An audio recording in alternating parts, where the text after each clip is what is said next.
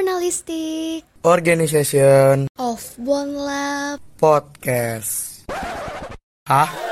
Udah pada podcastnya? Shh. Load your speaker and enjoy our talks. Halo Tejo, balik lagi di Jobcast. Sesuai dengan judul yang kalian bisa lihat dan kalian bisa baca, kita akan bincang-bincang dengan calon mitra tama SMA N1 Tambun Selatan periode 2023-2024 dengan nomor urut 1. Sebelumnya, perkenalkan nama saya Raita Megegar, saya dari kelas 11A dan saya tidak sendiri, saya ditemani oleh Saya Zeria Karnita dari kelas 11F. Nah, kita juga sudah sama calon mitra tamanya nih guys. Boleh dong perkenalan diri dulu siapa namanya di sana? Oke, halo. Jadi perkenalkan nama aku Muhammad Ahdan Rospa dari kelas 11E. Nah, lu tuh di OSIS tuh dari sekbet apa sih dan organ apa? Oke, kalau dari OSIS sendiri, gue itu dulu menjabat sebagai sekretaris bidang 3, Pendidikan dan Pendahuluan Bela Negara. Kalau buat organisasi sendiri, sekarang itu gue aktif dalam keanggotaan Paskibra Borla. Oh, nah terus lu ada hobi di luar nggak sih misalnya kayak band atau segala macem gitu ada nggak sih? Kalau buat hobi gue sendiri, buat ngisi kesibukan juga ya, paling kayak olahraga, kemudian juga main game mungkin jadi buat ngisi-ngisi kesibukan di waktu luang. Nah, lu juga OSIS, lu juga paskibra juga kan? Gue mau nanya dong, kan kalau OSIS nih kita lihat sibuk banget kan, apalagi paskibra juga banyak lomba-lombanya nih. Betul. Gimana sih lu cara bagi waktu lu buat nyimbangin antara OSIS sama paskibranya? Oke, buat manajemen waktu sendiri ya, itu kan juga lumayan. Gue masih bisa akuin masih belum terlalu rapi gitu dari manajemen waktunya. Cuman gue biarin kayak buat ngalir aja sih. Jadi kayak Ngalir aja ya? Iya. Jadi kayak kalau misalnya ada ini ya jangan nunda-nunda, langsung kerjain, selesain, terus juga disesuaikan sama diseimbangin apa kemampuan guanya. Oke oke. Nah buat visi misi lu tuh apa sih Dan? Gue mau tahu dong. Oh, buat visi misi gue sendiri. Oke.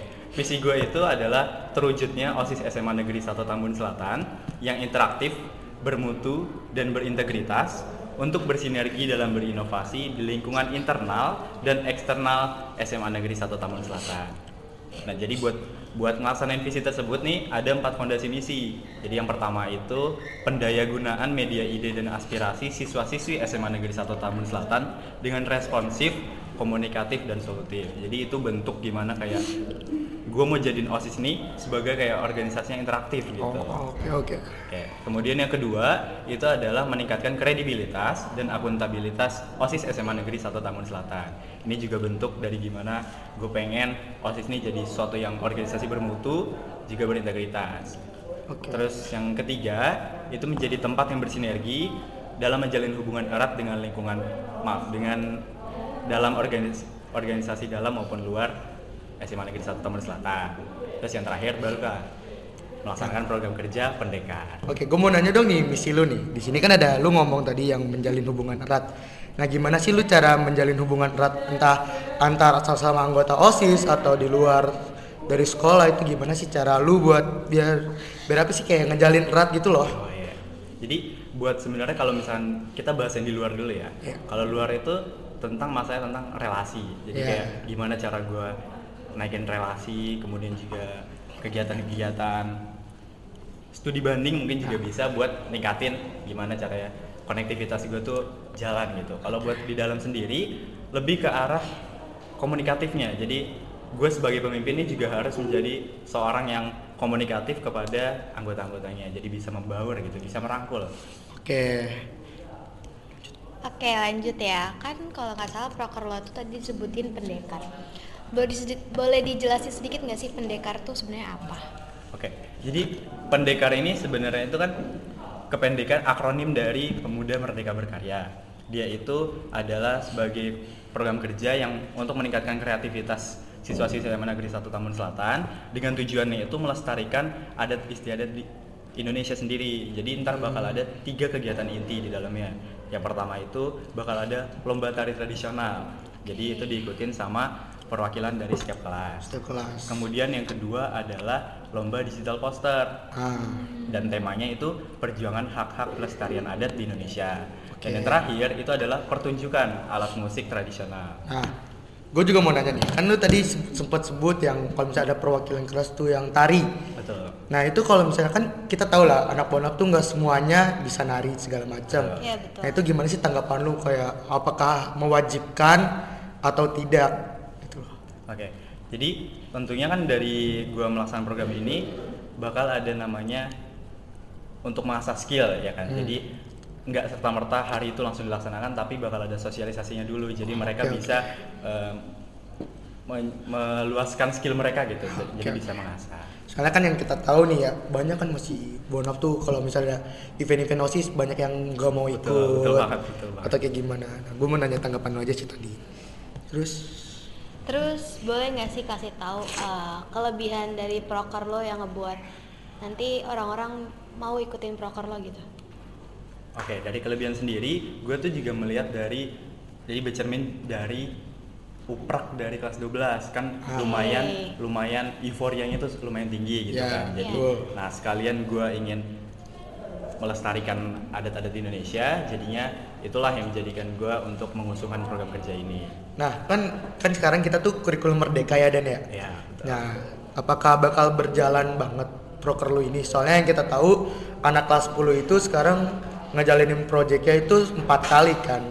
Sebelum ulangan, sesudah ulangan juga masih ada buat P5-nya. Nah, itu tanggapan lu gimana sih? Takutnya kan bentrok sama proker lu nih P5-nya ini.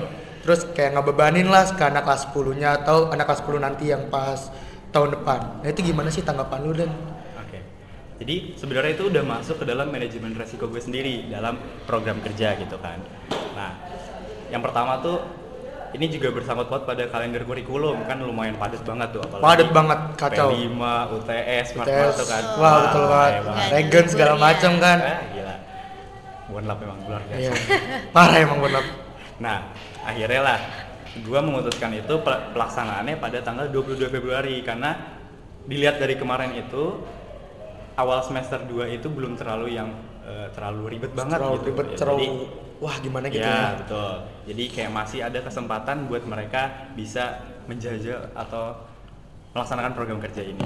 Oke, nah terus gue mau nanya nih, kalau misalnya emang proker lu ini nggak terwujud, lu tuh bakal gimana sih? Atau nggak disetujuin gitu sama sekolah atau sama anggota lu banyak yang menolak proker lu tuh, bakal lu bakal kayak gimana? Reaksi lu deh, reaksi lu. reaksi gue pasti yang paling paling ini banget ya tentu kecewa lah ya kan jadi kayak kok bisa gitu jadinya program kerja yang gue usulkan sendiri nggak bisa berjalan cuman gimana gue jadi pemimpin jadi gue harus emang bisa mengerti suatu keadaan jadi gue juga perlu jadi orang yang adaptif Ya, pada betul.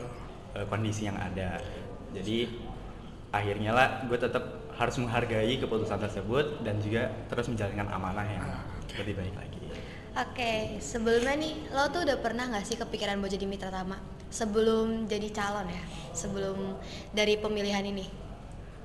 Sebelumnya gue juga nggak yang terlalu pengen banget nih jadi mitra tama tapi pas itu akhirnya gue melihat potensi diri gue bolehlah dicoba sebagai tantangan baru gitu kan. Jadi gue mencoba keluar dari zona nyaman gue sendiri untuk mencoba jadi mitra tama soalnya sebelumnya kan di SMP gue juga sebagai wakil ketua osis. Ya, Oke. hanya sampai wakil ketua osis gitu.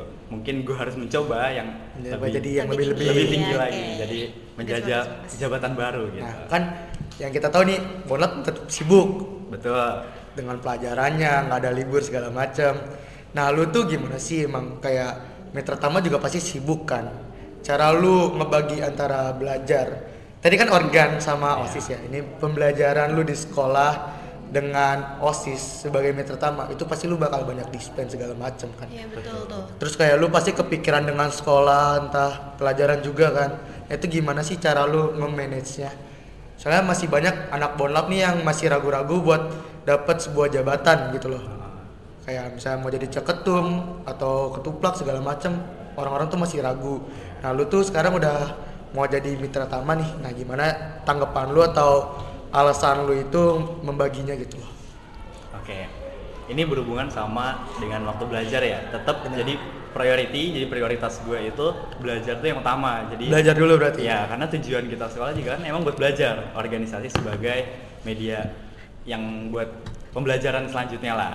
Jadi tetap membagi. Kalau misalnya kayak tugas-tugas nih, kita bisa ngerjain di sekolah dulu kerjain di sekolah urusan organisasi baru kita kerjainnya eh, Bareng-bareng. malam hari atau Oke. apa segala macam jadi gimana caranya gue tetap membagi dengan prioritas belajar sebagai yang utama Nah, nih terakhir nih dan dari gua. Oke. Kesiapan lo jadi mitra pertama tuh berapa persen sih?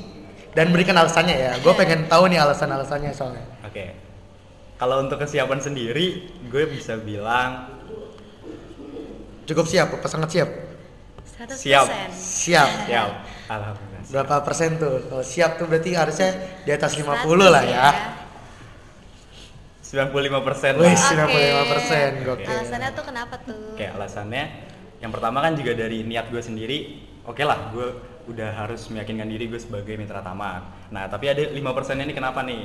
Jadi 5 persen ini tetap gue harus mengoptimalkan diri gue, memaksimalkan diri gue sampai nanti hari pencoblosan. Jadi gue harus memantapkan diri gue sebagai calon mitra taman. Cuman ya tentu gue siap menjadi mitra taman SMA Negeri 1 Tambun Selatan. Oke kan di sini kemarin kita sempat bikin G-Form ya buat nyampein aspirasi masyarakat Bonlab kepada mitra tama. Nah di sini ada pertanyaan pertama nih Ahdan. Oke. Tanggapan lu terhadap maraknya organisasi di luar sekolah tuh kayak gimana sih? Maksudnya kayak ultras, tongkrongan segala macam tuh kayak gimana?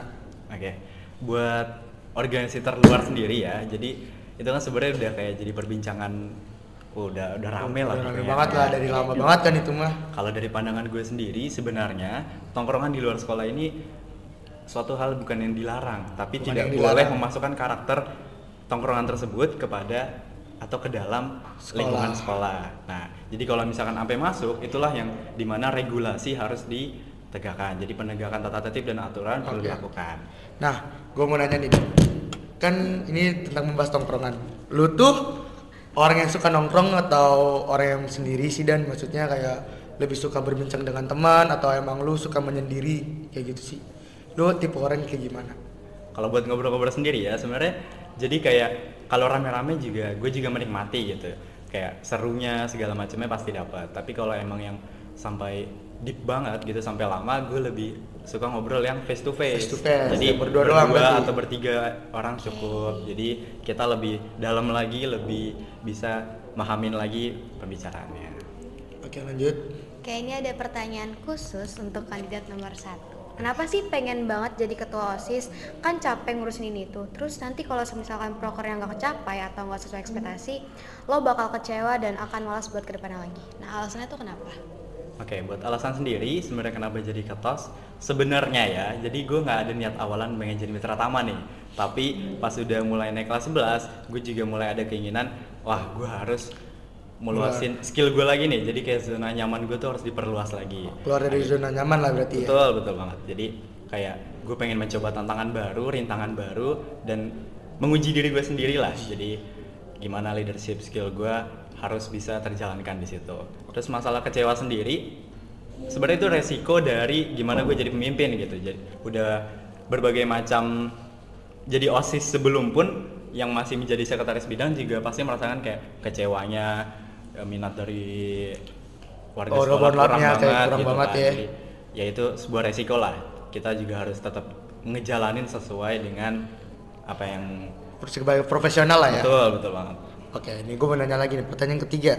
Seandainya lu mempunyai masalah dengan salah satu rekan lu dan lu sedang menjalankan tugas, apa yang bakal lu lakukan sebagai mitra utama yang baik? oke sebagai mitra utama yang baik kan berarti kita jadi seorang pemimpin ya kan Nah. kita harus merangkul semua anggota kita juga ini jadi kalau emang ada masalah personal balik ke tadi jadi profesionalitas kita harus berjalan di situ kita harus juga mendengarkan kita jadi pendengar yang baik sebagai seorang pemimpin jadi tetaplah jalankan komunikatif eh komunikasi jadi Kasih komunikasi emang nomor satu berarti ya. betul jadi penting banget jadi Penting komunikasi banget itu ya. berarti. Oke, ini ada pertanyaan keempat. Kalau dalam satu waktu eh, bentrok, kayak misalkan ada rapat OSIS, kegiatan eskul, acara keluarga, lo lebih milih yang mana? Oke, buat buat ketiga itu sebenarnya dilihat dari skala prioritasnya juga. Jadi sebenarnya yang lebih penting tuh yang mana? Misalkan nih ada rapat osis dan gue sebagai mitra tama suatu hal yang dibutuhkan dan nggak ada perwakilannya gitu. Terus ternyata di acara keluarga juga memang nggak yang terlalu penting-penting banget gitu. Jadi gue bisa lebih mengalihkan perhatian gue pada rapat osis. Cuman kalau emang bisa diwakilkan oleh yang lainnya, dan yang di sisi lain juga kegiatan gue cukup penting dan genting jadi ya gue perlu mengatur lah jadi waktu gue Oke, pertanyaan selanjutnya nih dan buat gue. Mengapa kami sebagai siswa atau siswi SMA yang satu Tambun Selatan harus memilih lu sebagai mitra tama? Oke. Kenapa Jadi tuh? alasan kenapa siswa-siswa SMA Negeri 1 Tambun Selatan perlu milih gue ya? Iya, Oke. milih lu. Apakah lu akan terbuka kah tentang aspirasi atau Oke. kayak gimana? Itu sebenarnya sejalan dengan visi misi yang gue jalankan. Jadi ada interaktif dengan misinya itu pendayagunaan media ide dan aspirasi siswa-siswi SMA Negeri 1 Tambun Selatan dengan responsif, komunikatif dan solutif. Itulah yang menjadi kunci gue untuk gimana cara gue menjadi mitra tama karena pembuka keterbukaan dan kebersihan OSIS kepada siswa-siswi ini perlu diperlukan banget dan Hmm, kita juga betul, sebagai organisasi yang menaungi mereka juga perlu melakukan respon, komunikasi dan memberikan pemecahan masalah yang ada. Oke, ini sebenarnya pertanyaan terakhir buat nutup jobcast kali ini. Seberapa pantas Anda untuk jadi mitra tama? Wah, oke. Seberapa pantas gue menjadi mitra tama SMA Negeri 1 Tambun Selatan? Iya. Sebelumnya gue sangat siap untuk menjadi mitra tama Sangat siap banget nih OSIS berarti SMA Negeri 1 Tambun banget ya. Selatan. Gue telah meniatkan se optimal mungkin, sebaik mungkin. Tapi untuk seberapa pantas, saya menyerahkan kepada siswa-siswa SMA Negeri 1 Tambun Selatan untuk menilai pantasnya saya menjadi pemimpin. Oke. Adan. Oke Adan untuk mengakhiri podcast kali ini ada kasih tahu gue dong slogan lu buat nomor urut satu kayak gimana? Oke, slogan gue buat nomor satu itu kalau cepat itu waktu, kalau tepat itu satu. Ada Wih, nomor satu gokil. untuk semantas lebih maju. Wih. Oke semangat ya untuk Siap. ke depannya. Siap. Terima kasih semuanya. Terima kasih kembali Gegar. Jaruya.